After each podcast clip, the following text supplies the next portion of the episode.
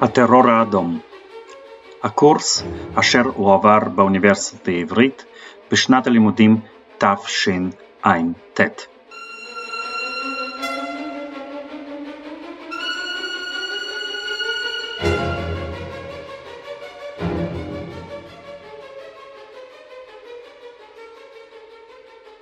אני אמשיך היום עם הנושא שלא סיימנו אותו בשיעור האחרון ואז אני אמשיך uh, לנושא הבא. ודיברנו על ההתנגדות לקומוניזם ואני דיברתי די בהרחבה על אופייה של התנועה הלבנה ואני רק רוצה להוסיף ולומר כמה דברים על סוגים שונים של התנגדות שאנחנו רואים לאורך של התפתחות המשטר. כן, אז uh, דיברנו על ההתנגדות המזוינת הצבאית uh, שהקצינים הצעירים של הצבא הם אלה שמהווים את הגרעין של ההתנגדות הזאת שהיא הופסה ואתם זוכרים שמיד לאחר מכן יש uh, מרידות רבות מאוד ואכזריות מאוד של האיכרים שגם uh, מדוכ, uh, מדוכאות באכזריות uh, רבה. אבל גם אחרי שהמשטר מתייצב עדיין יש מקרים של התנגדות וההתנגדות המקסיבית הבאה זה התנגדות בתקופה של uh, קולקטיביזציה ויכולתם לקרוא uh, לדוגמה uh, של התנגדות כזאת מאמר uh, יפה מאוד של טרייסי מקדונלד על uh, uh, התנגדות במחוז אחד לא רחוק uh, ממוסקבה אה, דווקא באזורים יותר פריפריאליים של המדינה אנחנו רואים התנגדות יותר משמעותית, לפעמים מזוינת, לפעמים אפילו uh, מי שמצטרפים לאותה התנגדות זה גם אנשים שכבר נלחמו נגד הבולשוויקים uh, בתקופה, בתקופה של מלחמת האזרחים. אבל כמובן שלציבור באופן כללי כבר יש הרבה פחות משאבים וכוח רצון להתנגד, וגם המשטר הרבה יותר יציב וברור שהוא יפעיל את הכוח המרבי ועדיין יש ברגע שהמשטר מנסה להיכנס לחייהם של האנשים, לקחת מהם את מה שהם אה, רואים כרכוש שלהם, אנחנו אה, רואים התנגדות די אה, מסיבית אבל מותאמת לתנאים הרבה, הרבה פחות נוחים עבור התנגדות ולמשל במאמר של טרייסי מקדונלד אפשר אה, לראות עד כמה למשל פתאום נשים עכשיו אה, הופכות לאלה שמובילות את ההתנגדות הזאת, הן, הן אלה שפורצות למחס... ל... לאותם בתים ששם מאוחסן המזון או בקר וצאן שהופקע מהאיכרים ומחזירים את זה אה, כי מתוך הנחה שהשלטונות יטפלו אה, בהתנגדות של נשים בצורה פחות אה, נחרצת מאשר אם הגברים היו מובילים את ההתנגדות הזאת. כמובן שזה לא תמיד ולא ממש עובד ויש שם סיפור באותו מאמר אה, שמתבסס דווקא על זיכרונות שפורסמו בברית המועצות בשנות חמישים על uh, אותה אישה מנהיגה שהולכת ומובילה את הקבוצה של uh, איכרים כנגד גדוד יחידת צבא והיא בעצם עושה את התנועה כזאת ואומרת הנה אתם תראו את הקולחוזים שלכם והמפקד של אותה יחידה פשוט יורה בה למוות. ומעניין שבן אדם שכותב על זה בשנות חמישים הוא לא, לא חושב ש, שזה משהו לא בסדר, משהו לא ראוי בסוג כזה של uh, דיכוי. ברור שכאן מדובר בתנועה של האויבים של הסוציאליזם, uh, של הקולקטיביזציה.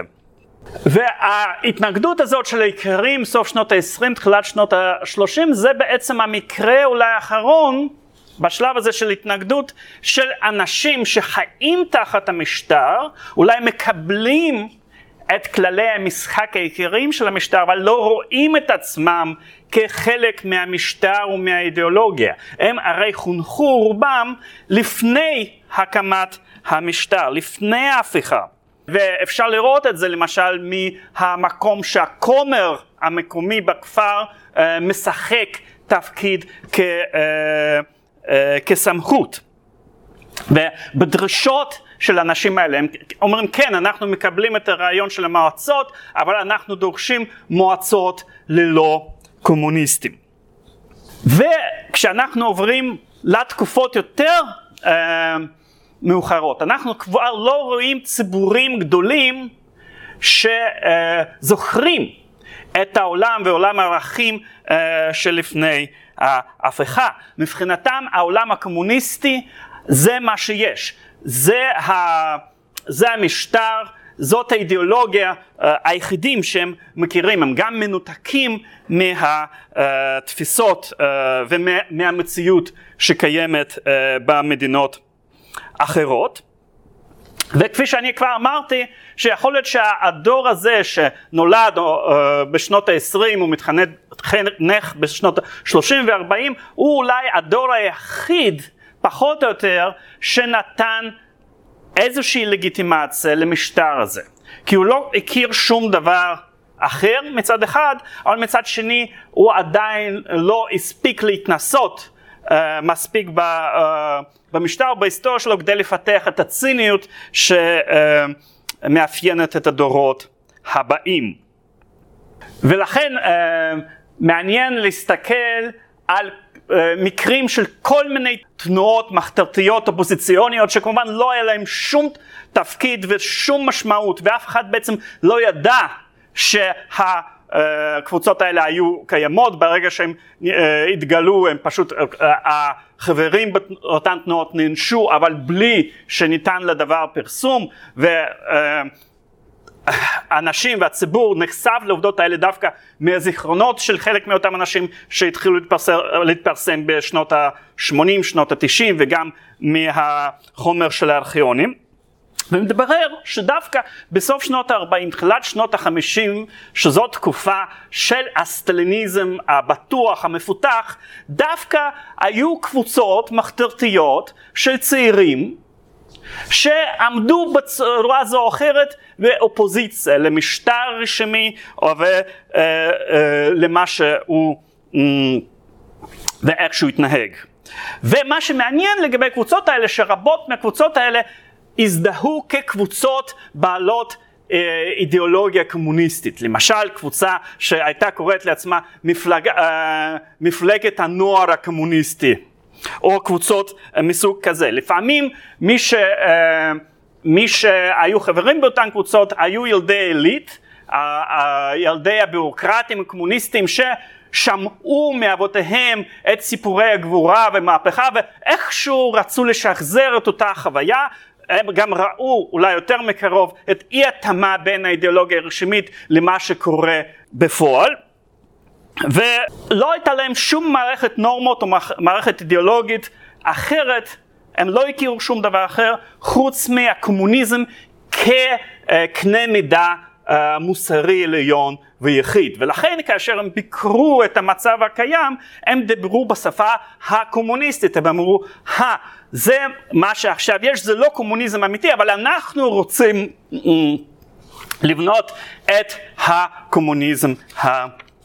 אמיתי כמובן שאלה היו התארגנויות לא רציניות וזה לא הלך אה, יותר מאשר דיבורים אה, וכמובן שלשלטונות לא היה שום אה, קושי לטפל בהם. הסיפור הזה מסופר במאמר שיכולתם לקרוא ממת יוליאנה פירסט, גם מאמר מאוד מעניין שבעצם שואלת את השאלה אוקיי איך אנחנו נתייחס לאידיאולוגיה הקומוניסטית הצעירה של האנשים האלה. יש כאן שתי פרשנויות. יכול להיות שזה פשוט אה, עניין פרגמטי. אם אתה חי בתוך ההקשר שבו קיימת רק אופציה מוסרית יחידה, והאופציה המוסרית הזאת נקראת אופציה קומוניסטית, אז אתה כמובן, אפילו כשאתה באופוזיציה, אתה תצא אה, נגד מה שקיים בתוך, אה, מתוך שפה ש... שנחשבת כשפה המוסרית הקיימת היחידה. כן, זה כמו שנניח אם מישהו חי בחברה שהיא חברה נוצרית אדוקה אז כמובן הביקורת שלו על החברה הזאת תהיה בשפה של נוצרות, היא תגיד או האנשים האלה עכשיו מי ששולט הוא מעוות את עקרונות הנוצרות. או כל מה, ש, או כל מה שאתם אה, רוצים, זאת אפשרות אחת להסתכל על זה, אבל אפשרות אחרת זה לחשוב אולי באמת האנשים האלה באמת היו קומוניסטים מאמינים? זה לא שהם בחרו את זה רק מתוך סיבה רטורית נוחה וברגע נניח שהעניין היה משתחרר הם היו ישר אה, עוברים לאידיאולוגיה הרבה יותר אה, ליברלית. אולי לא, אולי הם באמת אה, אה, אנשים צעירים שחונכו על פי אידיאלים קומוניסטיים, הם האמינו בזה אה, באמת, ואיפה שאפשר לראות אינדיקציות שהם אכן היו כאלה, זה בעצם שהם גם ספגו את הנורמות של אלימות. אלימות מהפכנית אה, מותרת, אלימות מחתרתית מותרת, זה הרי מה שהם למדו מהדור של האבות שלהם. ואומנם הם אה, לא, אה, לא ביצעו שום מעשה לימוד בפועל, אבל מתוך חקירות כביכול מתברר שגם הם היו מוכנים לפעול באותה דרך שהם למדו מאותם סיפורי גבורה של המהפכה. אז מי יודע, אם אולי בשלטון אז בברית המועצות היה מישהו כמו מאו במקום סטלין, אז אולי הוא היה מפעיל את הפוטנציאל, את הלהט, את התשוקה של אותם אנשים הצעירים והופך אותם לסוג של, לסוג של uh, שומרים אדומים. אז היו, היו מקרים כאלה, יחסית אקזוטיים. אבל היה מקום אחד שבה, uh, שבו כן הייתה התנגדות אמיתית והיו מקרים של מרידות אמיתיות. איפה זה היה? זה היה במחנות. ואם בשנות ה-30 כמעט אנחנו לא שומעים שום דבר על המרידות במחנות, אה, יש דמורליזציה אה, מוחלטת של אנשים שבקושי מבינים בעצם מה קורה להם, אנחנו uh, יודעים שהיו מרידות מאוד משמעותיות uh, בשנות ה-40, תחילת שנות ה-50, uh, במחנות שונים. Uh, ושכמובן דוכ, uh, דוכאו באכזריות, אלפי עצירים uh, נהרגו תוך דיכוי של אותם uh, מרידות. Uh, כי גם ההרכב הדמוגרפי של uh, מי שהיה עציר באותן המחנות הוא השתנה. ובשנות ה-40, שנות ה-50 הגיעו אה, למחנות הרבה אנשים שהיה להם אז ניסיון בפועל של מאבק מזוין נגד השלטון הקומוניסטי. במיוחד uh, לוחמי גרילה באזורים הכבושים במערב ברית המועצות, זאת אומרת אוקראינה uh, והמדינות הבלטיות. ומה שהאנשים האלה הביאו איתם, ורבים מהם היו פעילים מאוד מרכזיים בתוך אותן אה, מרידות שקרו במחנות, זה היעדר של ניסיון של שלושת גלי הטרור, כן? הרי כל המבנה הזה שאפשר למשטר לקיים יחסית בקלות את הדיקטטורה שלו, הייתה עובדה שהוא אה, בהפרש של עשר שנים שלוש פעמים עשה גלי טרור מאוד משמעותיים, טרור שלאחר מהפכה, מהפכה, טרור של קולקטיביזציה והטרור הגדול של סוף שנות ה... שלושים, וזה השאיר אינרציה כזאת גדולה של פחד, שבעצם היא לקחה מבני אדם את הרצון uh, להתנגד. האנשים האלה שחיו בשטחים שזה עתה צורפו לברית המועצות, לא חוו את, uh, את גלי הטרור האלה, וזה בעצם מה שמאפיין את שליטה של ברית המועצות גם בגבולות המערביים שלה, גם במדינות של מזרח אירופה, שבעצם ברית המועצות הייתה צריכה לעזות אה, לבצע טרור די בזריזות, ושהוא לא חדר עמוק כל כך לפסיכולוגיה של הציבור. ואלה היו אנשים שהיה להם ניסיון אה, לחימה, כן, אה, אה, לחימת גרילה בסוף שנות ה-40 אה, נגד המשטר הסובייטי. וגם מה שעוד יותר חשוב אולי זה, הם היו מרגישים עצמם קץ נציגי, נציגים של ציבור שלהם. זאת אומרת, אותן קבוצות לאומיות שבשמן הן נלחמו בנשק נגד השלטון הסובייטי. וכאשר בן אדם הולך להקריב את חייו, זה אה, די חשוב שהוא מרגיש שהוא לא מבודד. יש שוני אם אתה אזרח מהשורה ואתה לא מבין מדוע בעצם עצרו אותך ואתה יושב במחנות ואפילו שאתה יודע שבסופו של דבר אתה לא תשרוד, ברגע שאתה מרגיש שאתה לחלוטין אה, לבד, מושפל, מבודד, אין לך כוח להתנגד, אין לך כוח לצאת נגד זה. זה שונה מהמצב שאתה מרגיש שיש איזשהו ציבור שבאופן שקט uh, עומד מאחוריך. אז uh, אוקיי, uh, אמצע שנות החמישים, הטרור נגמר, המשטר ממשיך להתקיים באמצעות דיכוי ברמה מינימלית. אין דיכוי המוני. במובן מסוים הוא מצליח לשרוד אחר כך כל כך הרבה שנים, כי שוב, המטען של פחד שהטרור של 35 שנה משאיר אה, בחברה, אבל מצד שני, הצד שני של המטבע, שתמיד ברגע שהטרור נפסק, תמיד אנחנו רואים שמיד יש אנשים גם אם מרבית החברה חיה עדיין בפחד, אבל תמיד יהיו מיד אנשים ש, אה, אה, שיתחילו לדבר ולהביע דעות אופוזיציוניות. אה, זה כמו אזור שממה שלא היה שם גשם הרבה שנים, עשרות שנים, פעם אחת, יום אחד, יש גשם, וזה מספיק כדי שפתאום תצמח, תצמח הדשא. אז ברגע שה... משטר מחליש את נחת זרוע, מופיעים אנשים שמדברים גלוי במידה זו או אחרת של רדיקליות נגד, אה, אה, נגד המשטר, והאנשים האלה שמתחילים לדבר בשנות 50, 60 ו-70 מקבלים את השם דיסידנטים, כך הם ידועים. הם כמובן שוב מיעוט בחברה, למשטר קל מאוד להגביל אותם, חלקם מוכנסים uh, לכלא. העם ברוב, ברובו ממשיך לציית uh, למשטר, פחות מתוך שכנוע אמיתי, יותר מתוך אינרציה, פרגמטיות, uh, מרכיבים של פחד. והשאלה של התנועה הדיסידנטית בעצם, בתנאים כאלה, איזו טקטיקה, באיזו טקטיקה של התנגדות יש לבחור. ואומנם הסיפור הזה עומד מעבר לנושא של טרור, כי זה לא, כבר לא תקופה של טרור, אבל אני אולי אגע בנקודה אחת, כי היא קשורה לדיון לגבי האלימות והצדקת האלימות. ואני פשוט, אני רוצה לספר לכם על טקסט אחד, אה, והתפיסה אחת, שבעצם הופכת במידה רבה למניפסט המוסרי של התנועה הדיסידנטית. אה, אה, בשנות ה-70 ושמתמודדת עם השאלות האלה.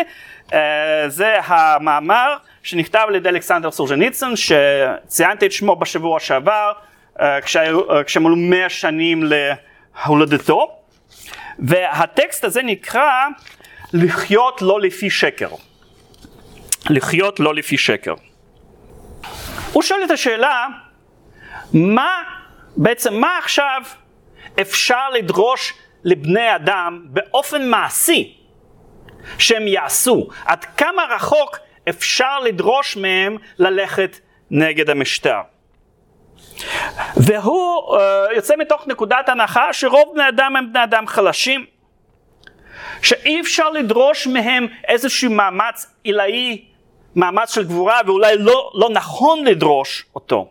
ואולי אפילו השיטות ההתנגדות שקיימות במסגרות פתוחות, כמו התנגדות אה, אי ציות בלתי אה, אלים, כמו, ש, אה, כמו שגנדי למשל דגל בו, זה, זה, זה יהיה יותר מדי עבור, עבור האזרח הסובייטי אז. ובוודאי שצריך לדחות ולשלול כל, כל קריאה לאלימות. עד כמה שהמשטר אה, הוא משטר שמבוסס על, על, על פשעים נוראים, נוראים. אבל ברגע שאתה מתנגד למשטר ש, אה, שיצר את הדינמיקה של אלימות, אלימות. באמצעים אלימים אתה נכנס שוב לאותו מעגל קסום. Uh, בעצם אתה עושה את מה שמהפכנים לפני 1917 עשו. הם התנגדו למשטר הצארי באמצעים אלימים.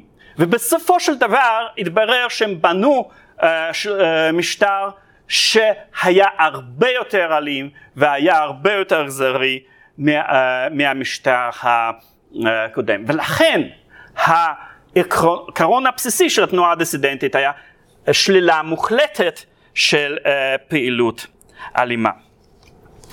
אבל אמר סולז'ניצן, יש דבר, uh, יש בתוך משטר חולשה פנימית אחת. והיא שהמשטר כרגע עייף, התעייף מאלימות.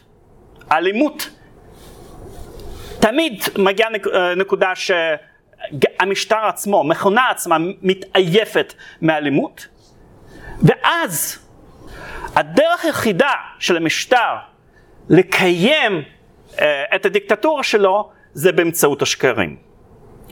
באמצעות אידיאולוגיה שפחות ופחות אנשים חושבים שיש בה uh, איזה משהו uh, מהאמת. ואולי זה יותר מדי לדרוש מאנשים לומר מגלוי מה הם באמת חושבים ובמה הם באמת מאמינים. אבל אפשר אולי לבקש מהם אה, לחיות לפי דרישת מינימום. לא לשתף פעולה אה, בשקרים שעליהם מתבסס המשטר. וברגע שהעם, הציבור, פשוט יפסיק לשתף פעולה עם השקרים, הבניין הזה יקרוס. ואני אה, אצטט כמה משפטים מהטקסט הזה. כותב, דרך הפחדנות שלנו, שכל אחד יבחר האם הוא יישאר המשרת המודע של השקר, או כמובן לא בגלל נטייה, אלא כדי לקיים את המשפחה, כדי לחנך את הילדים ברוח השקר, או שהגיע הזמן להשתחרר, להפוך לבן אדם הגון שראוי לכבוד עבור ילדיו ובני זמנו. ומהיום והלאה הוא לא יכתוב, לא יחתום, לא ידפיס בשום צורה שהיא אף משפט שמעוות לדעתו את האמת. לא יגיד משפט כזה לא בשיחה אישית, לא בקבוצה של בני אדם, לא מתוך עצמו, לא מהנייר, לא בתור פעיל, מורה, מחנך, ואפילו לא כשחקן תיאטרון. לא uh, יצייר או uh, יפסול בפסל באמצעים הפוטוגרפיים, טכניים, מוזיקליים, שום מחשבה שקרית, שום עיוות של אמת שהוא מבחין בה. לא בעל פה ולא בכתב, לא יביא שום ציטוט או למען התרפסות או כביטוח או לצורך הצלחת עבודה, העבודה שלו אם הוא לא מסכים במאה אחוז עם המחשבה או אם היא לא לעניין כאן. לא יאפשר להכריח את עצמו ללכת להפגנה או לאספה אם זה נגד רצונו. לא ייקח בידיים שום פוסטר או סיסמה שהוא לא במאה אחוז מסכים איתה. לא יצביע בעד הצעה שהוא לא ממש תומך באופן כנה. לא יצביע לא בפומבי ולא uh, באופן סדי עבור מי שהוא uh, חושב כבלתי ראוי או מפוקפק. לא יאפשר להביא אותו לאספה שבה הוא מצפה שיהיה uh, דיון מוטה לגבי סוגיה כלשהי. מיד יעזוב ישיבה, אספה, הרצאה, הצגה, uh, הקרנה, ברגע שישמע מהנואם שקר, טמטום אידיאולוגי או תעמולה חסרת בושה. לא יעשה מנוי ולא יקנה עיתון או כתב עת שבו יש עיוות של מידע או שהעובדות היסודיות מוסתרות. זה סולז'ניצין אה, לחיות לא לפי שקר. לסרב לשקר יהרוס את העריצות הרכה שלא מסוגלת כבר להפעיל אלימות קשה. אבל האמת היא שהיו גם בתקופות של טרור גאה אנשים שלא היו מוכנים לחיות עם השקר והיו מרגישים שהם צריכים לומר את האמת למרות שידעו מה המחיר של הדברים האלה. ולכל בן אדם הייתה נקודת שבירה שונה. מתוך זה שהיו אנשים שלא נשברו בכלל, או היו אנשים שנשברו בנקודה מסוימת, שאולי לא יכלו לעמוד נגד הלחצים והפחדות והעינויים. ואני פשוט רוצה להביא לכם כמה דוגמאות של בני אדם שונים שמצאו את עצמם בהתנגשות עם המערכת. ולהעמיד את המקרים האלה זה נגד זה. אז אני, אקח, אני אביא לכם שני, שתי דוגמאות מרוסיה ושתי דוגמאות אה, מסין. אז אה, את המקרה הראשון אני אה, מוצא בספר של היסטוריון ישראלי בשם יגאל חלפין שכתב ספר סטליניסט קונפשיונס והוא מספר על אה, בן אדם שקוראים לו פאבל סמיונוביץ' פופוב. פופוב אה, כנראה פועל, אה, בן אדם יחסית מבוגר אבל לא לא מאוד מבוגר, שבתחילת שנות ה-30 הוא תלמיד באוניברסיטה הקומוניסטית בלנינגרד, והוא נשלח עם קבוצה של פעילים אחרים לכפר לעשות מה? מה אתם חושבים הוא עושה שם? מפקיע אה, לחם מזון מהעיקרים. ואז הוא מתוודה לחבריו בקבוצה שהוא חשב הרבה זמן והוא לא חושב שהוא מתאים להיות חבר במפלגה הבולשיביקית קומוניסטית כי הוא לא מאמין שאפשר לבנות סוציאליזם. הוא אומר, לא האמנתי שאפשר לבנות סוציאליזם, הייתי חושב שהמדיניות שאנחנו מבצעים זה את הקולקטיביזציה, זו מדיניות נכונה, אבל מתוך כל מיני סיבות הוא, הוא חשב, הוא השתמש בתיאוריות כלכליות, הוא הגיע למסקנה שאי אפשר לבנות סוציאליזם, זו מדיניות מוטעית, ולכן הוא לא מרגיש שהוא חי לפי אמת, הוא לא מרגיש ש, ש, שהוא באמת יכול לקרוא לעצמו קומוניסט.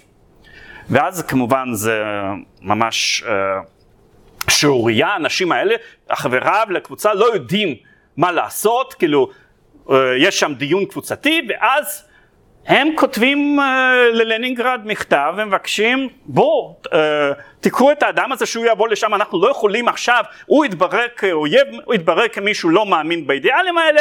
אז uh, ובכלל אנחנו לא ידענו לא רק ידענו אז לא ברור איך בכלל פספסנו שיש בן אדם uh, כזה עם דעות לא נכונות אבל זה המצב אז, אז הוא, לא מצ... הוא לא מתאים כרגע לעסוק במה שאנחנו עוסקים, ובאמת הבן אדם הזה נקרא בחזרה ללנינגרד, ואז יש אספה של, ה, אה, של המפלגה, אה, של אה, סניף המפלגה באותה אוניברסיטה, והוא שוב מבטא את אותן דעות, והוא אומר, כן, אני, אני מבין שאני צריך לצאת, כאילו, לפרוש מהמפלגה, כי אני כבר, אני לא מאמין בדברים האלה, זה שנת 1931.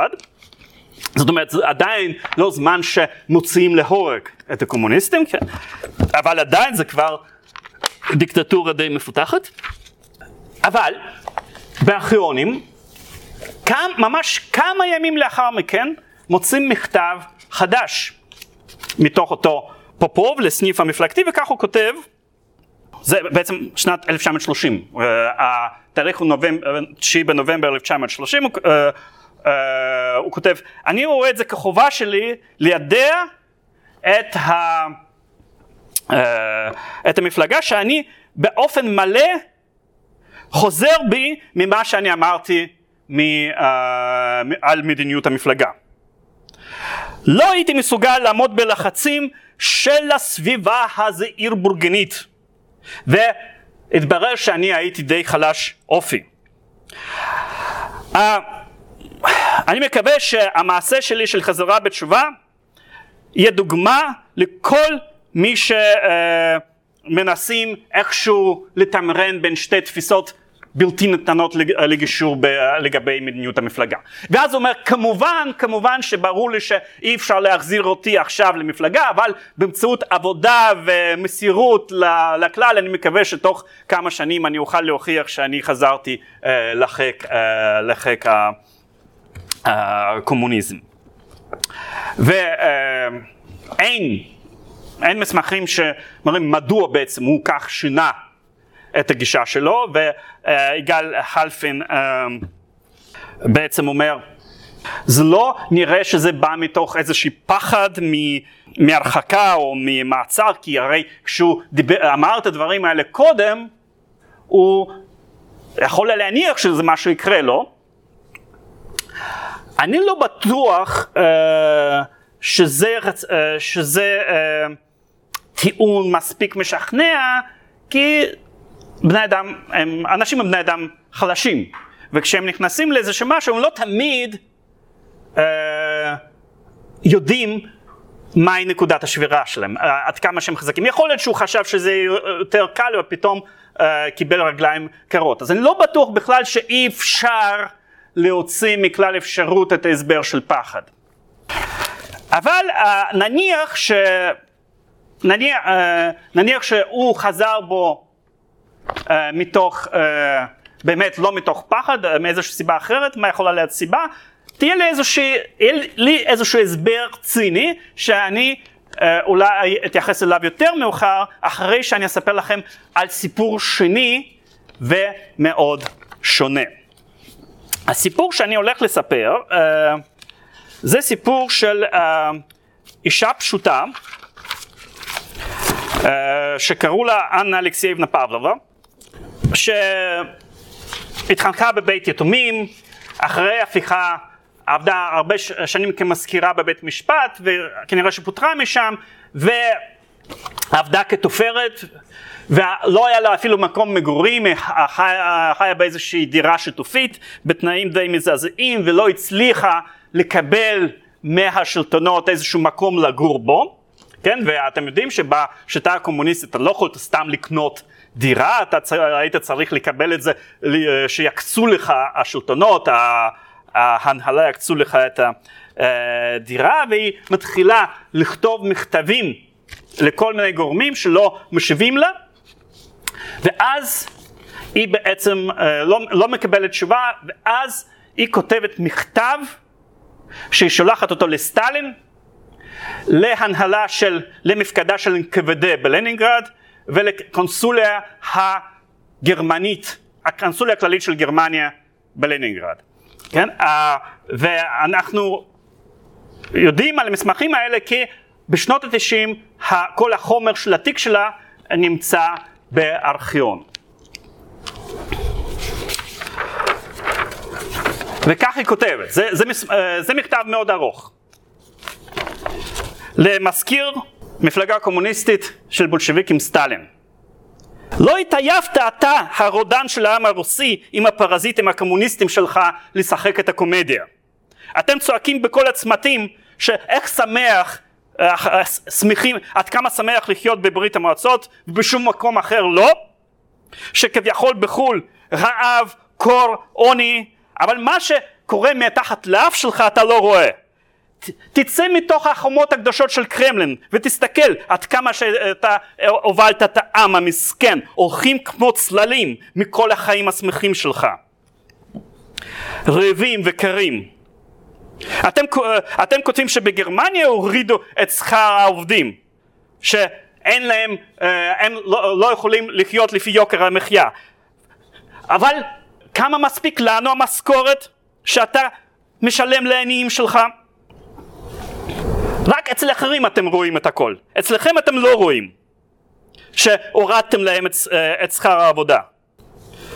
ומה ש, אה, שקיבלנו, הרווחנו, עכשיו אה, הרווחנו 30 רובל ותנו 15 רובל לזנות של הקומוניסטים. אורדוס ארור אתה. אתה שאיבדת את העם יותר גרוע במצב של צמיתים. הפכתם את כולם לעבדים ומכריחים לעבוד עבורכם הפרזיטים בנדיטים. אתם צועקים שכאלה וכאלה הם אויבי העם ואתם, אתם אלה שהם אויבי העם מנוולים הישועים, הערפדים העממיים ואלה, ש... ואלה שאתם הוצאתם להורג הם שהידי האמת. עוד בשנת שלושים בתחנת רכבת מטישי כשאני עבדתי בבית משפט ראיתי כמה רכבות אתה uh, הובלת מלאות באיך שהם נקראים קולקים. הקיץ ילדים, גברים, נשים, כולם כמו חיות בתוך הקרונות. את קירוב רצחו ובשביל מנוול אחד כמה דם נשפך. ואתם צועקים שכביכול זעם עממי דורש מוות. אתם משקרים הבנדיטים שותתי הדם. זה מילים שלכם, לא של העם. העם לא צריך את זה. העם צריך חיים בריאים, שבעים ומתורבתים. וכל זה, מה שאתה אומר, זה המילים כדי להחזיק בשלטון. ואז לקראת סוף המכתב, לי אישית, מכם בנדיטים אני לא צריך שום דבר, אלא דורשת שאתם תעבירו אותי לאחת המדינות הפשיסטיות, שאוכל את שארית ימיי לעבוד את האדונים, ועבורכם הבנדיטים אני לא רוצה לעבוד יותר.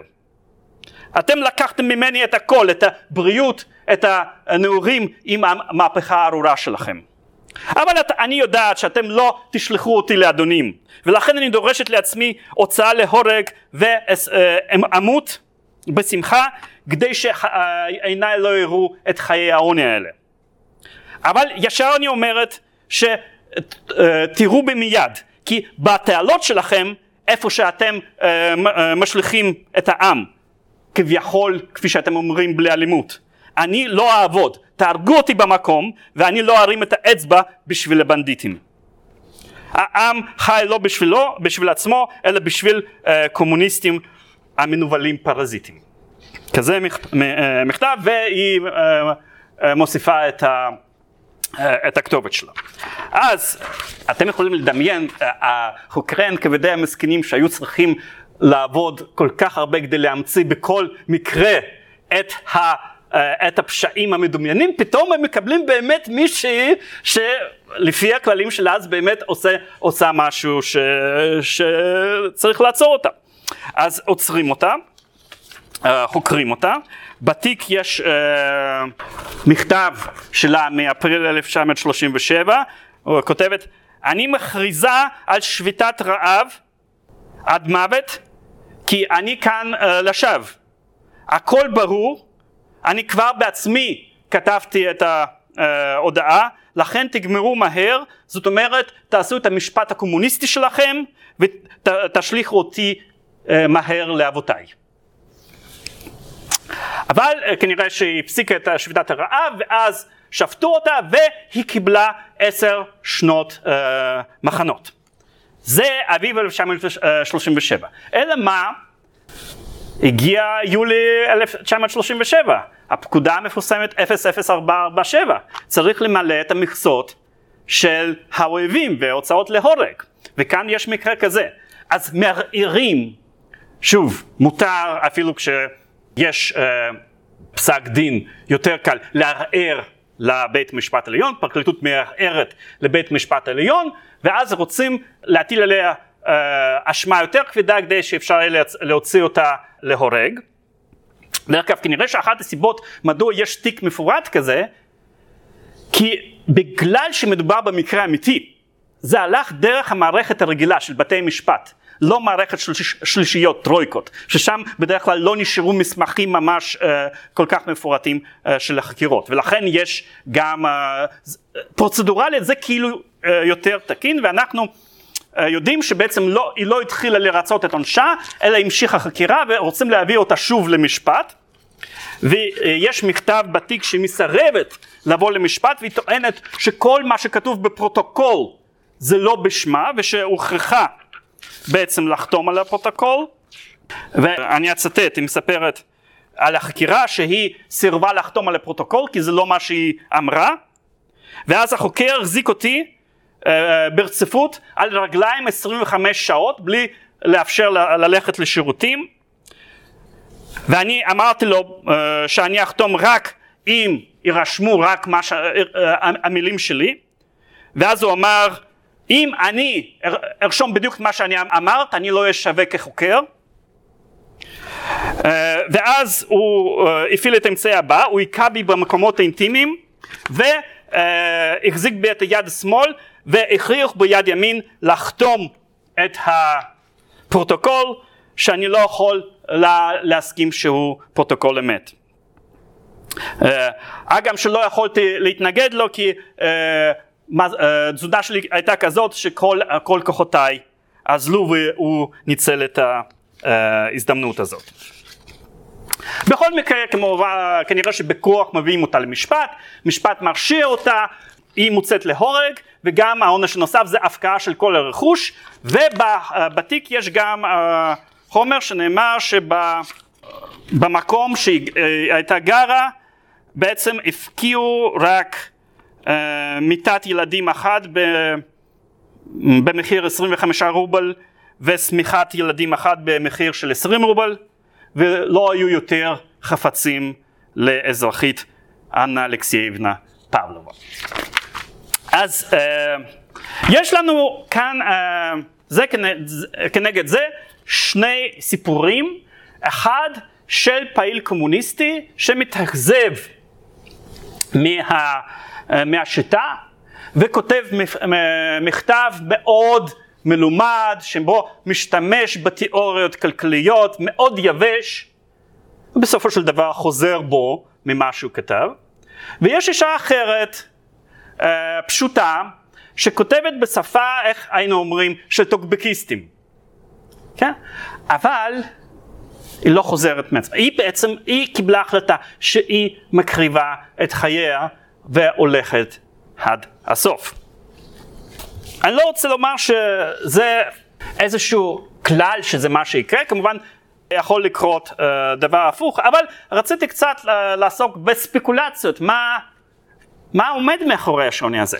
מדוע דווקא, uh, מדוע שבן אדם שהרהר הרבה זמן על האידיאולוגיה והגיע למסקנות, כן, בן אדם, אה, הוא בא כנראה מרקע צנוע, אבל uh, בן אדם שלמד באוניברסיטה חשב על דברים האלה. מדוע יש בו הרבה פחות כוח להחזיק ב, גם כנגד לחצים במה שהוא מאמין בו, לעומת המקרה של, uh, של אישה פשוטה. Uh, שענייה אה, שכותבת בצורה כזאת. אז אני, אה, לגבי החזרה בתשובה של חבר פופוב, אני אציע באופן ספקולטיבי הסבר שונה מהסבר, מהסברים שאתם יכולים, אני לא, לא, אתם יכולים לקרוא בספר של חלפין, אני לא אה, אכנס לדיון עליהם, אבל אני אצא את ההסבר שלי. אני חושב שהרבה אנשים ששואלים את עצמם את השאלה, והמון אנשים שאלו את עצמם השאלה, אה, מדוע אותם אנשים הקומוניסטים, האליטה הקומוניסטית, אה, שהובאו למשפט וידעו שהם יהיו מוצאים להורג, מדוע בעצם הודו? מדוע הם שיתפו פעולה עם החקירה אפילו באופן פומבי? נו, אתה יודע שאין לך סיכוי לשרוד. למה שאתה עכשיו, אתה במשפט פומבי מול כל העיתונאים אה, ונציגים של ממשלים זרים, תגיד, תגיד, אה, סטלין הוא פר, פרזיט, הרודן, ש, שתישרף בגיהנום, למה לא עושים את זה? לפחות תתנקם בצורה כזאת. ואני חושב, אה, אני אנסה לתת איזשהו הסבר פסיכולוגי. אני חושב שהבעיה שהשאלה הזאת נשאלת היא קשורה לכך שאנשים שואלים אותה מגזימים במידת ה... איך, איך לומר? במידת הטוב הפנימי שהיה לאנשים האלה. אני אצטט לכם איזשהו משפט מהספר שפורסם בשנות ה-90, באמצע שנות ה-90, זה ספר של מסמכים לגבי הטרור הסטליניסטי, ספר שנקרא Road to Terror, ואחד מאלה שערך את הספר הזה הוא היסטוריון אמריקאי של סטליניזם בשם ג'ון ארץ' גטי. אולי בהזדמנות אחרת אני אחזור להיסטוריון הזה, כי הוא מסמל את התפיסה או את, את הגישה ההיסטורית המחקרית כלפי סטליניזם, ש, שבאמת uh, היה לה ביש מזל, שאין אין כזה ביש מזל uh, uh, לתיאוריות מדעיות לעיתים קרובות, שבעצם כל התיאוריה שלו, או של אנשים שתמכו בגישה הזאת, התרסקה לנגד עיניהם. התיאוריה הזאת נקרא תיאוריה רוויזיוניסטית, ומה שבעצם אמרה ש, שברית המועצות זה מעין חברה פוליטית פלורליסטית מסוג מסוים, ושהדינמיקות של טרור היו תוצאה של מאבקים בין קבוצות שונות בתוך המפלגה. אנחנו יודעים שזה לא נכון, והמסמכים לחלוטין מוכיחים הפוך, שפתחו את הארכיון. אז, אבל יהיה לי זמן אולי לדבר קצת על הגישה הזאת. ואת ה, אבל את הספר הזה הוא עורך כבר כשהוא יודע מה, מה יש במסמכים. ואז אני נתקלתי במשפט כזה, באנגלית אולי אני אצטט, The Bolshevik Party, זה במבוא מה שהוא כותב, The Bolshevik Party was the product of idealistic, egalitarian, and socially progressive strands in the Russian intelligentsia and working class. By the 1930s, much of the original idealism had been lost or transformed as Bolshevik revolutionaries became uh, state officials. כן? אז האנשים ש... Uh, היו חברים במפלגה הבולשיביקית מלכתחילה, היו הקבוצה הכי אידיאליסטית והכי מתקדמת של האינטליגנציה הרוסית. וזה בהחלט איך שהממשיכי המסורת הקומוניסטית בברית המועצות ראו והציגו את עצמם, ככה הם תפסו את זה. בוא נאמר, אה, זה, אה, זה תיאור שאני מטיל אה, ספק בו. אגב שאם אנחנו מדברים על הקבוצות האידיאליסטיות ביותר באינטליגנציה הרוסית בשלהי ההפיכה הבולשביקית, הם השתייכו בעיקר או תמכו בעיקר ולמפלגה ליברלית, מפלגה קדטת ורובם מצאו את עצמם מחוץ לרוסיה די מהר, אבל זה עניין של טעם, uh, אידיאליסטי אין לזה, מי, מי הוא בן אדם אידיאליסט. אבל אני אעשה לכם סיפור אחר. Uh, והסיפור הוא um, שאנשים כמו פופוב, שנטלו כנראה חלק פעיל בתקופה של ההפיכה הבולשביקית ומלחמת האזרחים, כנראה שהיו מעורבים במעשי אלימות לא מעטים. שבהקשר של uh, מוסר שגרתי היו נחשבים כפשעים. כן. Uh, לפגוע ברכוש, אפילו של בעלי אחוזה, זה גניבה. להוציא להורג בן ערובה או לוחם ב, uh, בצבא הלבן, זה, זה הריגה, זה רצח. כן? אז אנחנו לא יודעים מה, מה, מה העבר של האדם הזה. מה אפשר לאותם אנשים לחיות בשלום עם אותם מעשים?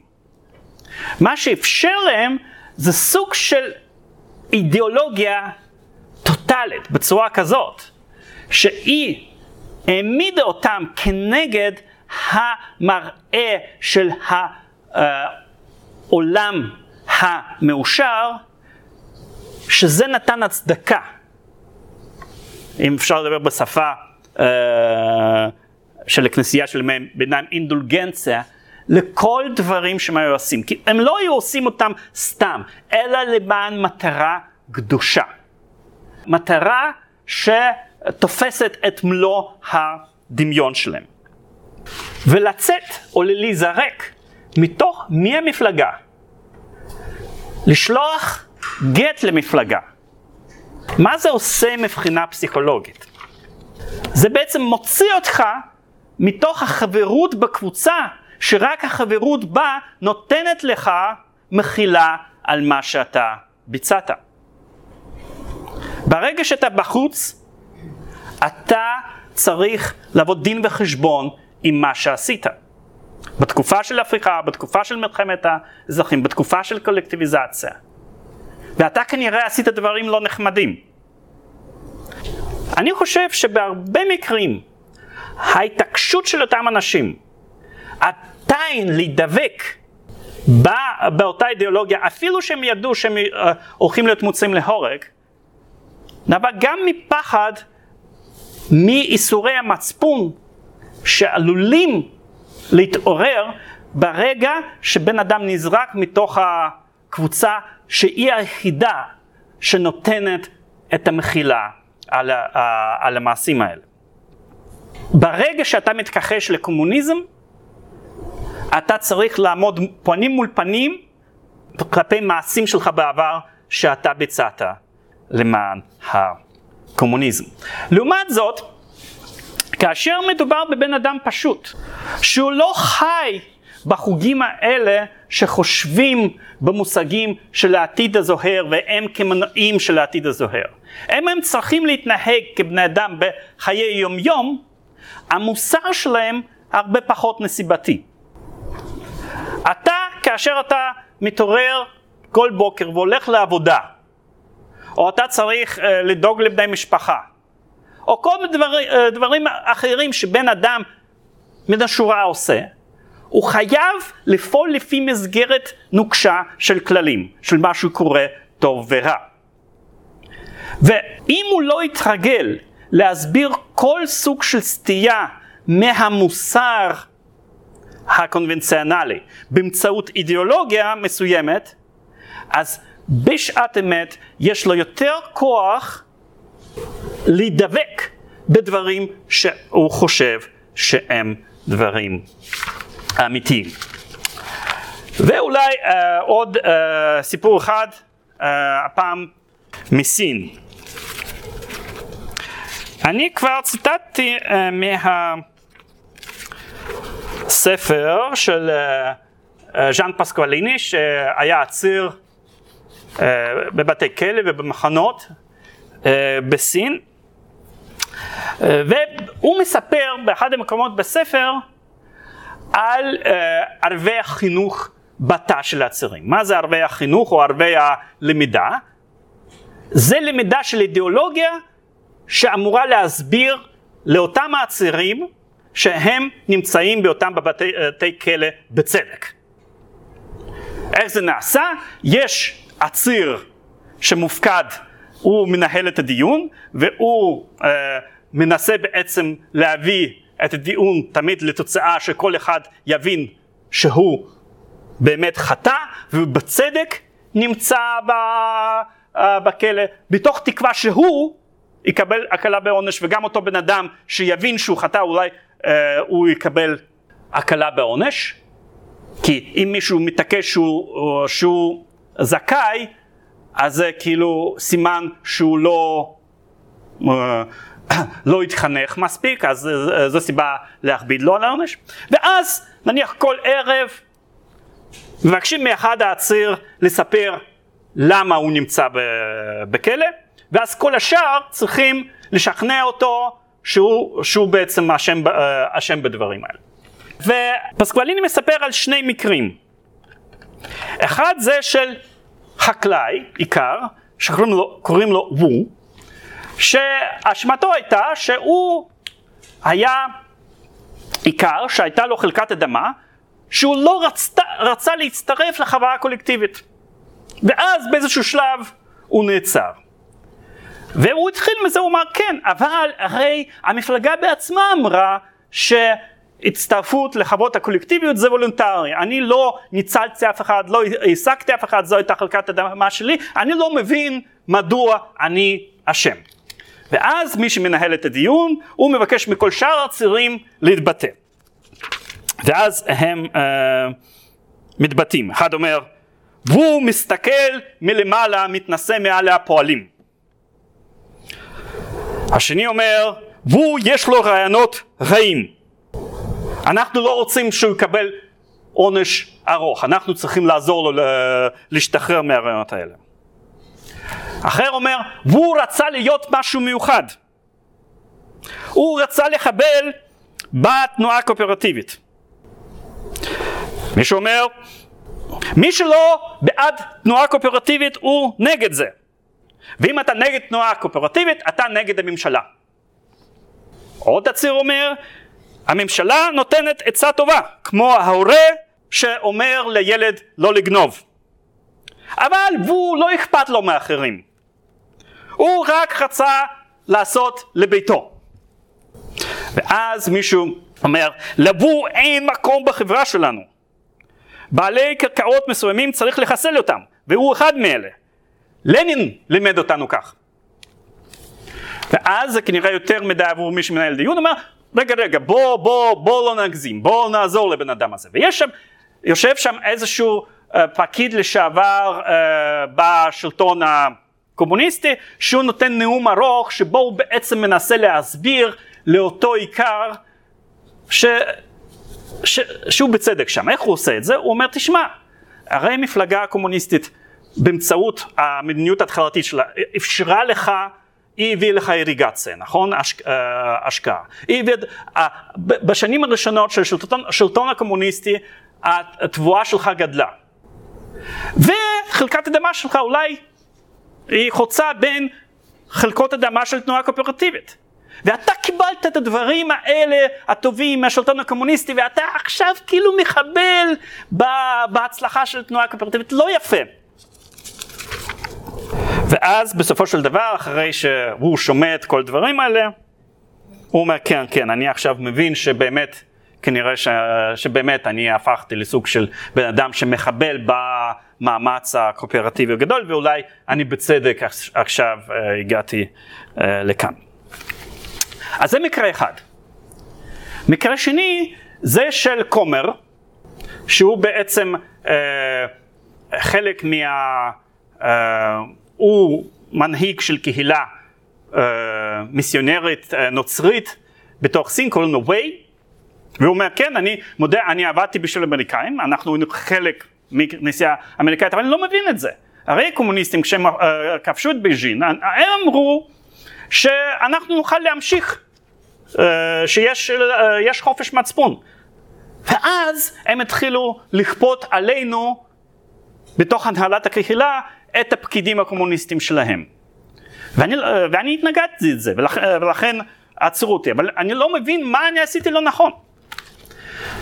ואז מנסים לעשות איתו את אותו דבר, שכל הציר מסביר לו עד כמה הוא גרוע ועד כמה הוא אויב ואימפריאליסט ו- וכל הדברים האלה, והוא פשוט לא מבין, הוא אומר, אני לא, הם לא מצליחים לשכנע אותם. עד שבסוף הם מתייאשים, ואז אומרים לו, נו, אה, אל תחשוב שאתה תהיה קדוש מעונה, אתה רק בוגד. האנשים שלך בעצם מדברים נגדך. תגיד, אתה חושב כקומוניסט? לא. אתה מתנהג כמו קומוניסט? לא.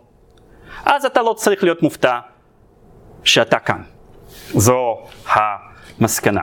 אז יש כאן שני מקרים, בן אדם אחד שבסופו של דבר נשבר, בן אדם אה, אחר ש, אה, שבס... שלא מסוגל, כי הוא באמת לא מאמין ש, אה, שהוא, שהוא עשה משהו לא, לא טוב. מה, מה עזר לו לעמוד בשכנוע הזה במקרה הזה? שוב, זה עניין ספקולטיבי, אבל בוא, אבל אפשר, אפשר להציג הסבר כזה. איך בן אדם יודע שמה שהוא חושב זאת אמת? הוא צריך איזושהי נקודת ייחוס. נקודת הייחוס uh, הזאת יכול, יכולה להיות שכנוע של התבונה שלו, מחשבה הגיונית. אם אני חושב שבאופן הגיוני 2 ו-2 זה 4, אז אני משוכנע בזה. זה יכולה להיות אמונה באל. אני שמעתי את זה מאל ואני יודע שזה נכון. אבל הרבה פעמים יש אנשים uh, משתכנעים שמשהו הוא אמת, משום שאחרים אומרים את זה. אם כולם מסביב אומרים משהו שזה אמת, זה, יש לזה השפעה על איך אנחנו תופסים את המציאות. יש ניסוי מפורסם של סלמון אש, ששם, אה, מישהו, מישהו מכיר את הניסוי הזה? ששם הביאו בן אדם לאיזושהי קבוצה ונתנו uh, שני, uh, שני קווים, שאחד היה יותר קצר מהאחר, ושאלו אם הם קווים שווים או לא. ואז כולם אמרו שכן, אבל כולם היו בעצם uh, uh, uh, משתפים פעולה עם מבצעי הניסוי. ואז אותו בן אדם שידע שזה לא נכון, אבל הוא רואה שכולם אומרים אחרת, הוא הרבה, פעמים, הרבה פעמים נכנע ואמר, כנראה שזה נכון. וברגע שהיה רק בן אדם אחד נוסף שלא הסכים עם הקונסנזוס, זה עזר לבן אדם שני לעמוד על שלו.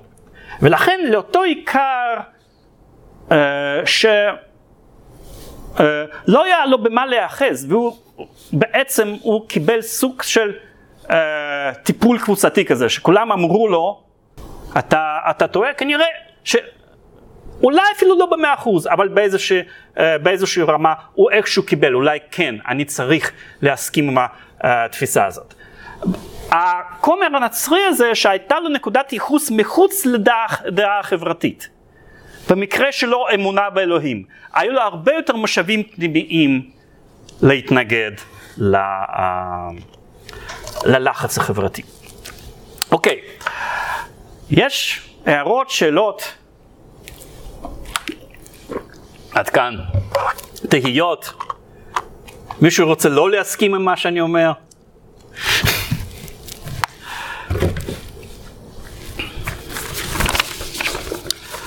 אוקיי.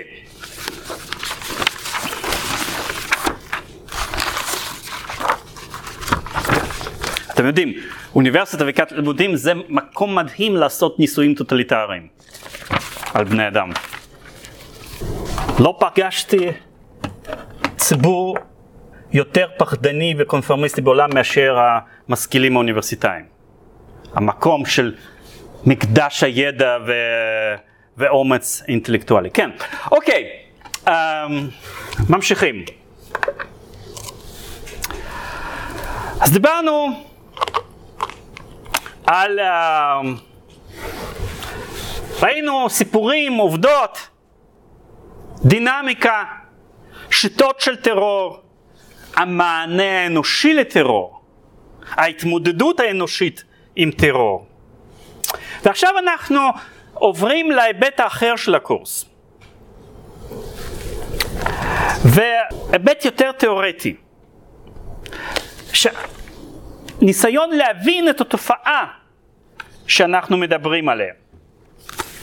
את המשמעות שלה, את המהות שלה, את הסיבות, את ההשלכות, או אולי יותר מדויק, לנסות ללמוד על איך אנשים אחרים, הוגים אחרים, ניסו להבין את התופעה הזאת ולזרום עם זה כדי לקבל השראה לחשוב על הדברים האלה בעצמנו.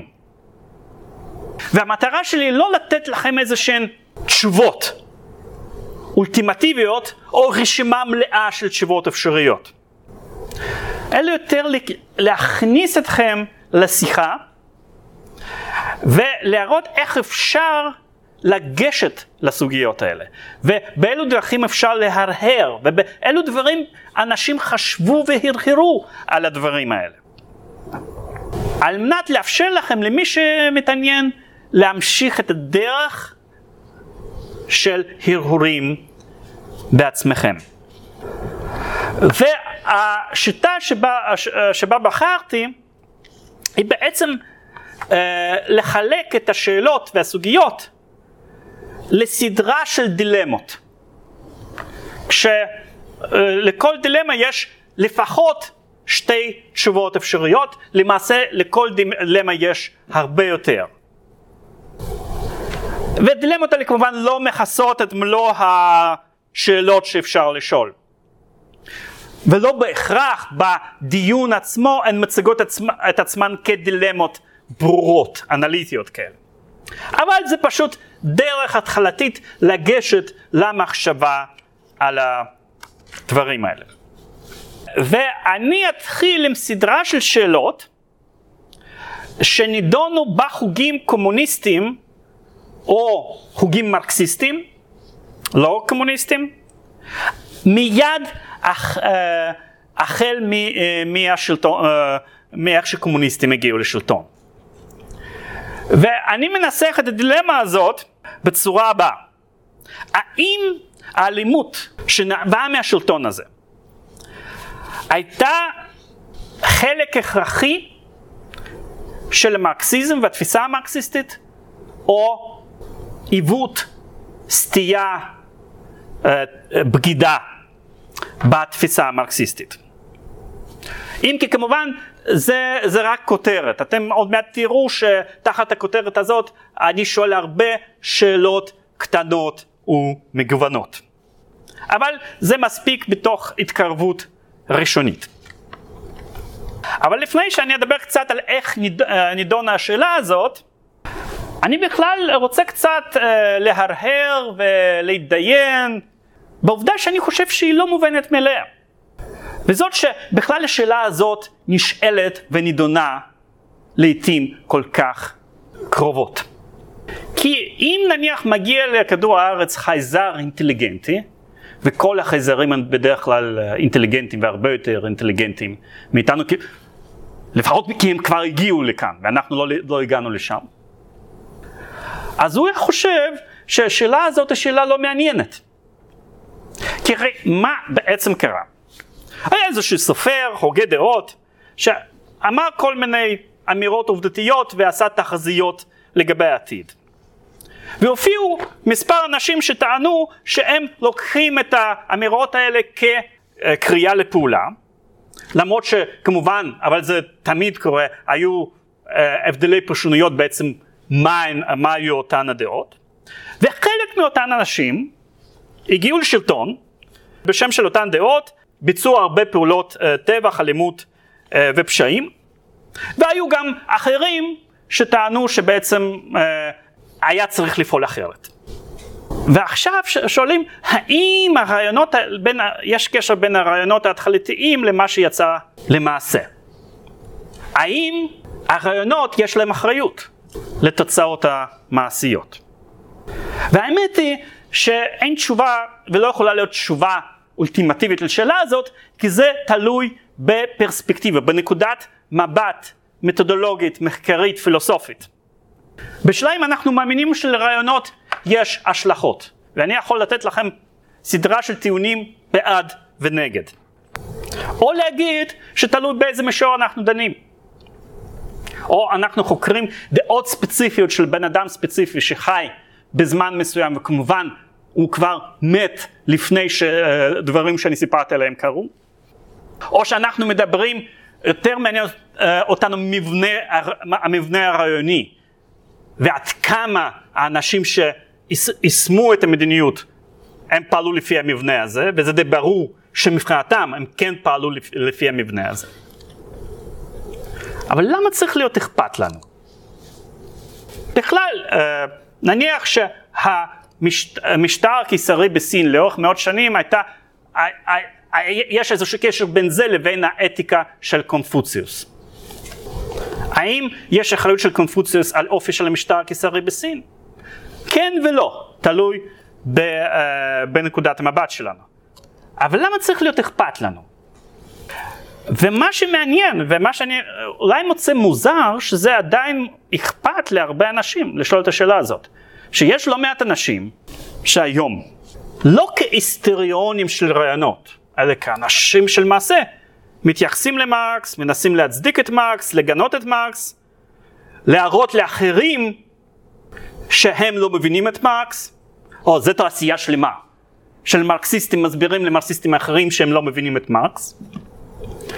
כאשר הסגנון של טיעונים הוא סגנון עד אוקטוריטטם. זאת אומרת, הטיעונים מהסמכות.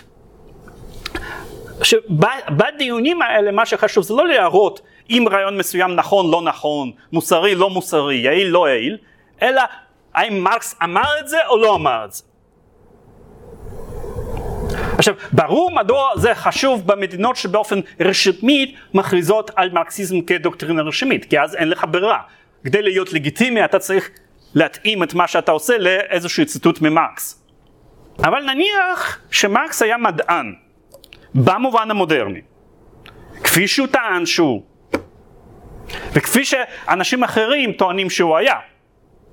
אני לא מכיר כל כך תקדים בעידן המודרני, שבה למה באמת מדען כלשהו אמר יש חשיבות. המדע המודרני בנוי על זה שאין שום חשיבות לשמות. החשיבות המוחלטת היא לרעיונות. אפילו לגבי דרוויניזם זה נכון, למרות שזה uh, בתודעה הכללית הדרוויניזם זה uh, קשור לשמו של דרווין, אבל לביולוגים אבולוציוניים האמיתיים של היום. הם לא מוטרדים משאלה שאם מה שהם אומרים תואם איזשהו משפט וציטוט מדרווין. והם כמובן יודעים שלא, כי הביולוגיה האבולוציונית התקדמה הרבה מעבר לדרווין. אז כאן אה, זה לא ממש יחס למרקס כמדען, כי אה, מדען לא, אה, לא משאיר איסטים. אין דרוויניסטים במובן הזה שיש מרקסיסטים. אולי זה יותר דומה ליחס של הדת או סקטה, כת. זה לא מופרך, כי זה, יש מסורת מאוד ארוכה שמפרשת את מרקסיזם כסוג של דת מודרנית. וכמובן זה שסוג של הערצה לסמכות היא אופיינית להתנהגות האפיסטימולוגית של דתות. לנוצרי מאמין חשוב מאוד להראות שמה שהוא עושה תואם ציטוט מסוים מישע. ליהודי מאמין חשוב מאוד להראות שיש אסמכתה למעשים שלו uh, בהלכה. אבל יש קצת בעיות גם עם התפיסה הזאת, כי זה שמשהו קצת דומה למשהו, עלול להם גם את ההבדלים. וההבדלים הם שיש יומרה, במיוחד אצל איסטים, זאת אומרת מרקסיסטים, אה, לכתוב, לחשוב ולנתח באופן שמזכיר את האופן של מדע ביקורתי, המודרני. אז כשחשבתי על זה אמרתי אולי יש לי מקרה אחד להשוואה. אה, והמקרה הזה הוא מקרה של אריסטו. אולי מרקס הוא כמו אריסטו המודרני, או כמו אריסטו של ימי ביניים. מישהו שנתפס בימי ביניים כסמכות מדעית בלתי מעורערת, ששימש את האידיאולוגיה של האמונה הנוצרית. אבל היה לא לחלוטין חלק מחבורה הקדושה שצריך להריץ. אבל עדיין, אם אתה רוצה להיות מדען רציני של ימי ביניים, אתה צריך למצוא את הפרשנות, את, ה, את הציטוט ה, את, בכתבים של אריסטו. וכמובן שאנשים שונים מתווכחים למה, למה אריסטו באמת, מה הוא אמר, למה הוא התכוון. עד שהגיע תומאס הופס ואמר, אנחנו, מה עושים כאן באוניברסיטאות? לומדים אריסטוטליות במקום ללמוד פילוסופיה, ובכלל מה זה הדבר הזה פניות לסמכות? צריך להיות פנייה לתבונה, פנייה להיגיון. אז אה, יש תופעה כזאת, שעדיין קצת אה, חידה בשבילי, במיוחד כשמדובר, אה, איך אני אומר, וזה כמובן סובייקטיבי, אבל אה, בוא נאמר בכותב שלו, שהכתיבה שלו היא לא ממש מהנה מבחינה אסתטית, והיא גם מורכבת אבל גם לא מספיק עמוקה. ויכול להיות שפשוט זה עניין של אם משהו פעם אחת קורה זה נשאר באינרציה. פשוט כך קרה שאיזשהו הוגה התחיל לשמש לצורך מסוים, צורך פסיכולוגי, צורך חברתי. יכול להיות גם הוגה אחר. אולי רעיונות הם באמת פועלים קצת כמו וירוס. ברגע שהם בתוך הגוף הם אף פעם לא נעלמים, או שמות או סמלים. אם מישהו ראה את הספר עם ליאונרדו דיקפריה, אינספשן, מישהו צפה את הספר הזה? ברגע שמשתילים נקודה מסוימת, גרעין מסוים בתודעה, אז זה תמיד נשאר שם. אי אפשר להוציא את זה משם. יכול להיות. אבל אני אה, אתן אולי לא הסבר, אבל איזושהי אינדיקציה סובייקטיבית שלי. למה, למה, למה זה משמש ומדוע ההתעקשות הזאת אה, להישאר עם, אה, להפוך את אה, מרקס לסוג של סמל של משהו קיומי וחשוב.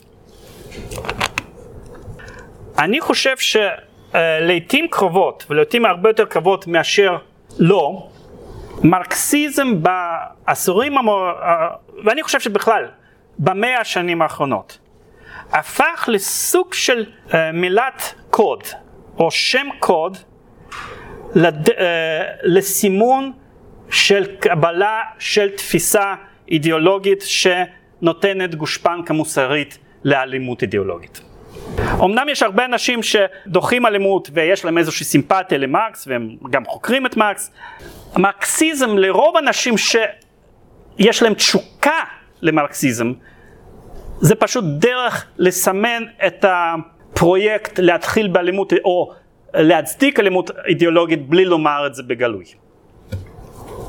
אז לכן מבחינתי השאלה אפילו היא לא אם uh, מרקס כפי שהוא היה ועד כמה הוא תמך או לא תמך באלימות, אלא שכשאנחנו מזהים קמפיין להפוך את המרקס לדמות של גיבור, אנחנו יודעים שאיפשהו מאחורי פינה מסתתר איזשהו פרויקט שנועד להצדיק אלימות כלשהי.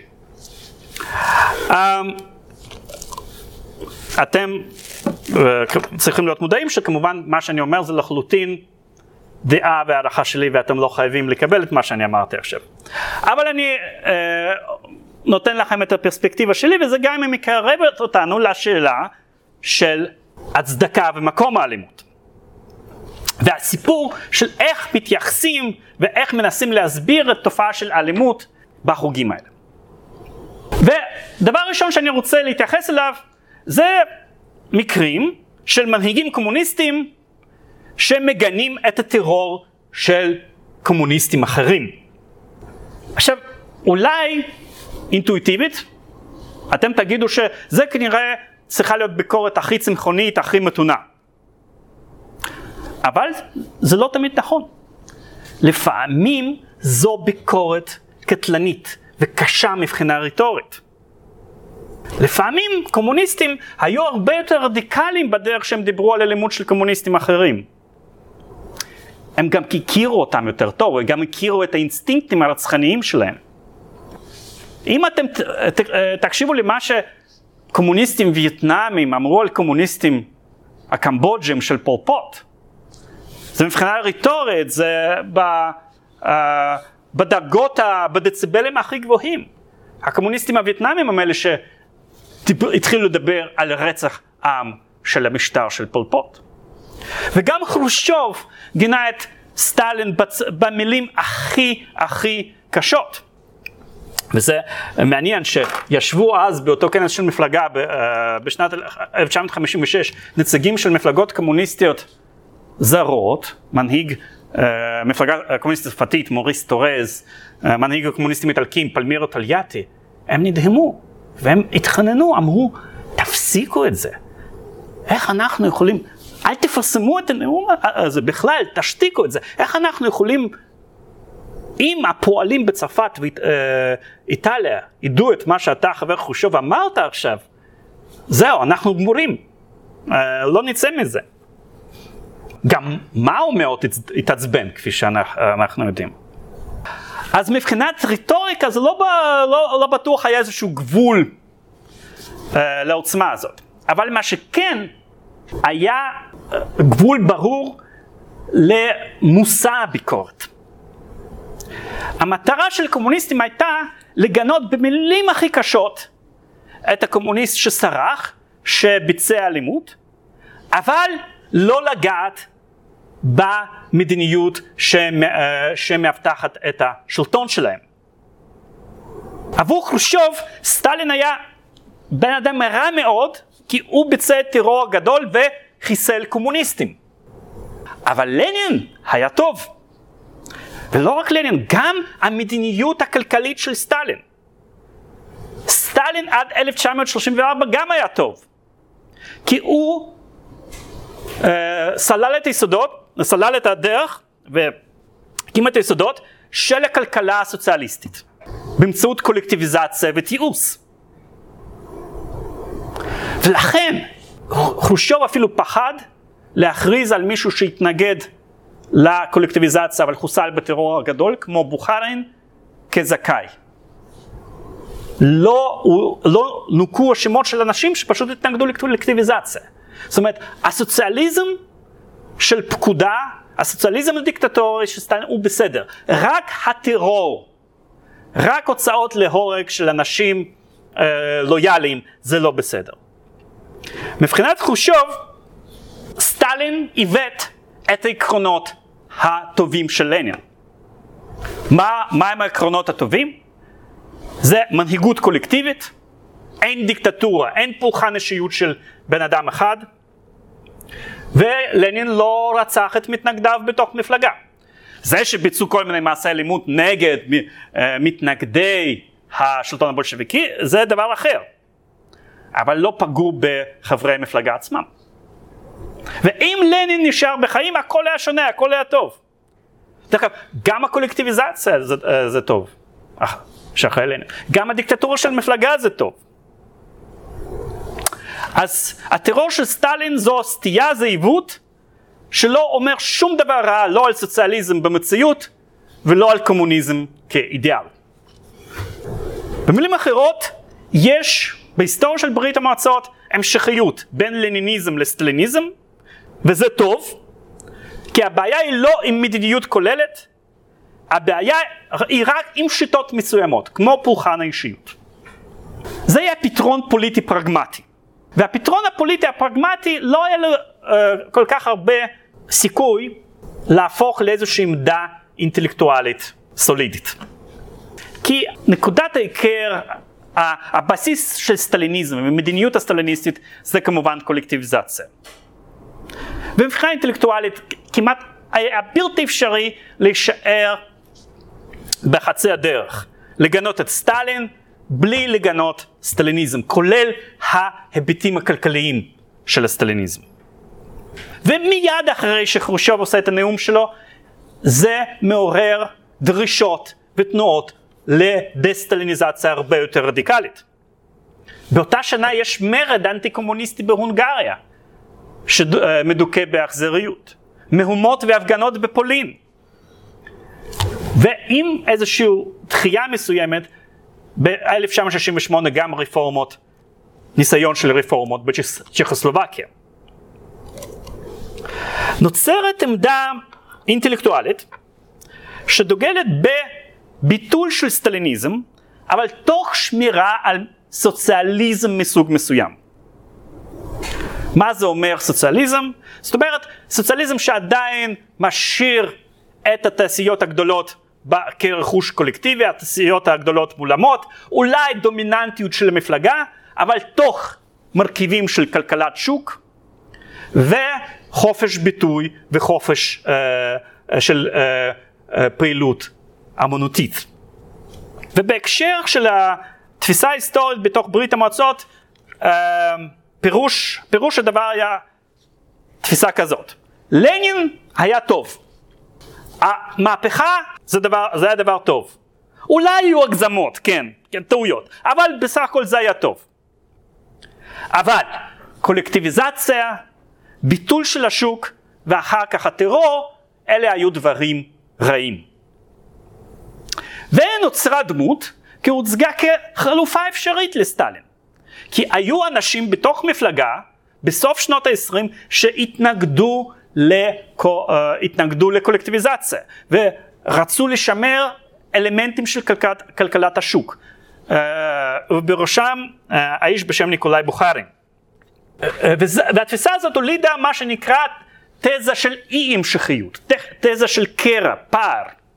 סטלין לא היה כורח של אירועים, זו הייתה תאונה. המהפכה הייתה פרוגרסיבית, מהפכה הובילה את המדינה למודרניזציה, אם הם רק היו ממשיכים עם כלכלת השוק, ברמה של חקלאות לפחות, הם היו בונים סוציאליזם הומני, סוציאליזם אנושי. וכאשר בשנות ה-80 גורבצ'וב מנסה לבצע רפורמות נוספות שהולכות הרבה יותר רחוק מחושוב, המטרה שלו במשך כמה שנים היא באמת לתקן סוציאליזם בלי לבטל אותו. ואז מדברים הרבה על חזרה ללנין, אבל לא לנין של חושוב, לא לנין שמצדיק קולקטיביזציה, אלא לנין ובוכרין. זאת אומרת, מרכיבים של כלכלת השוק ופלורליזם. אחד החוקרים החשובים שדגל אז, ואולי דוגל עדיין בתפיסה הזאת, היה החוקר האמריקאי בשם סטיבן כהן, שכתב ביוגרפיה של בוכרין, והוא דן, תראו, סוציאליזם זה אופציה טובה, אולי אפילו יותר טובה מקפיטליזם או כל דבר אחר, ועכשיו גורבצ'וב אולי יבנה את הסוציאליזם פרצוף אנושי. היום סטיבן כהן ידוע uh, uh, בזה שמדי חודש הוא מופיע ב-CNN כדי להצדיק את מדיניותו של פוטין. Uh, אז, אבל uh, uh, אז זה היה כך. אוקיי, אז זאת התזה ה... ש, שיש לה גם סיבות פוליטיות, אידיאולוגיות. היא חוב, uh, טומנת בחובה איזושהי העדפה של מדיניות. איזשהו ניסיון למצוא את הצורה הליברלית ביותר של הסוציאליזם.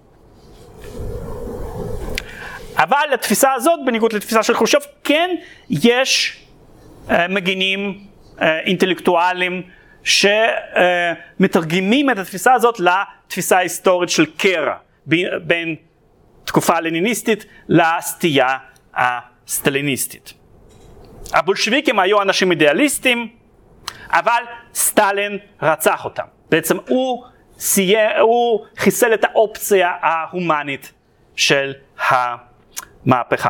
ובשיעור הבא שהתקיים כבר בש, בשנה הבאה, זאת אומרת בשנת 2019, אני אתחיל, את, אני אמשיך את הסיפור עם זה שאני אסביר מה אני אישית חושב על התזה של אי המשכיות הזאת שאני עכשיו תיארתי. אז תודה רבה לכם.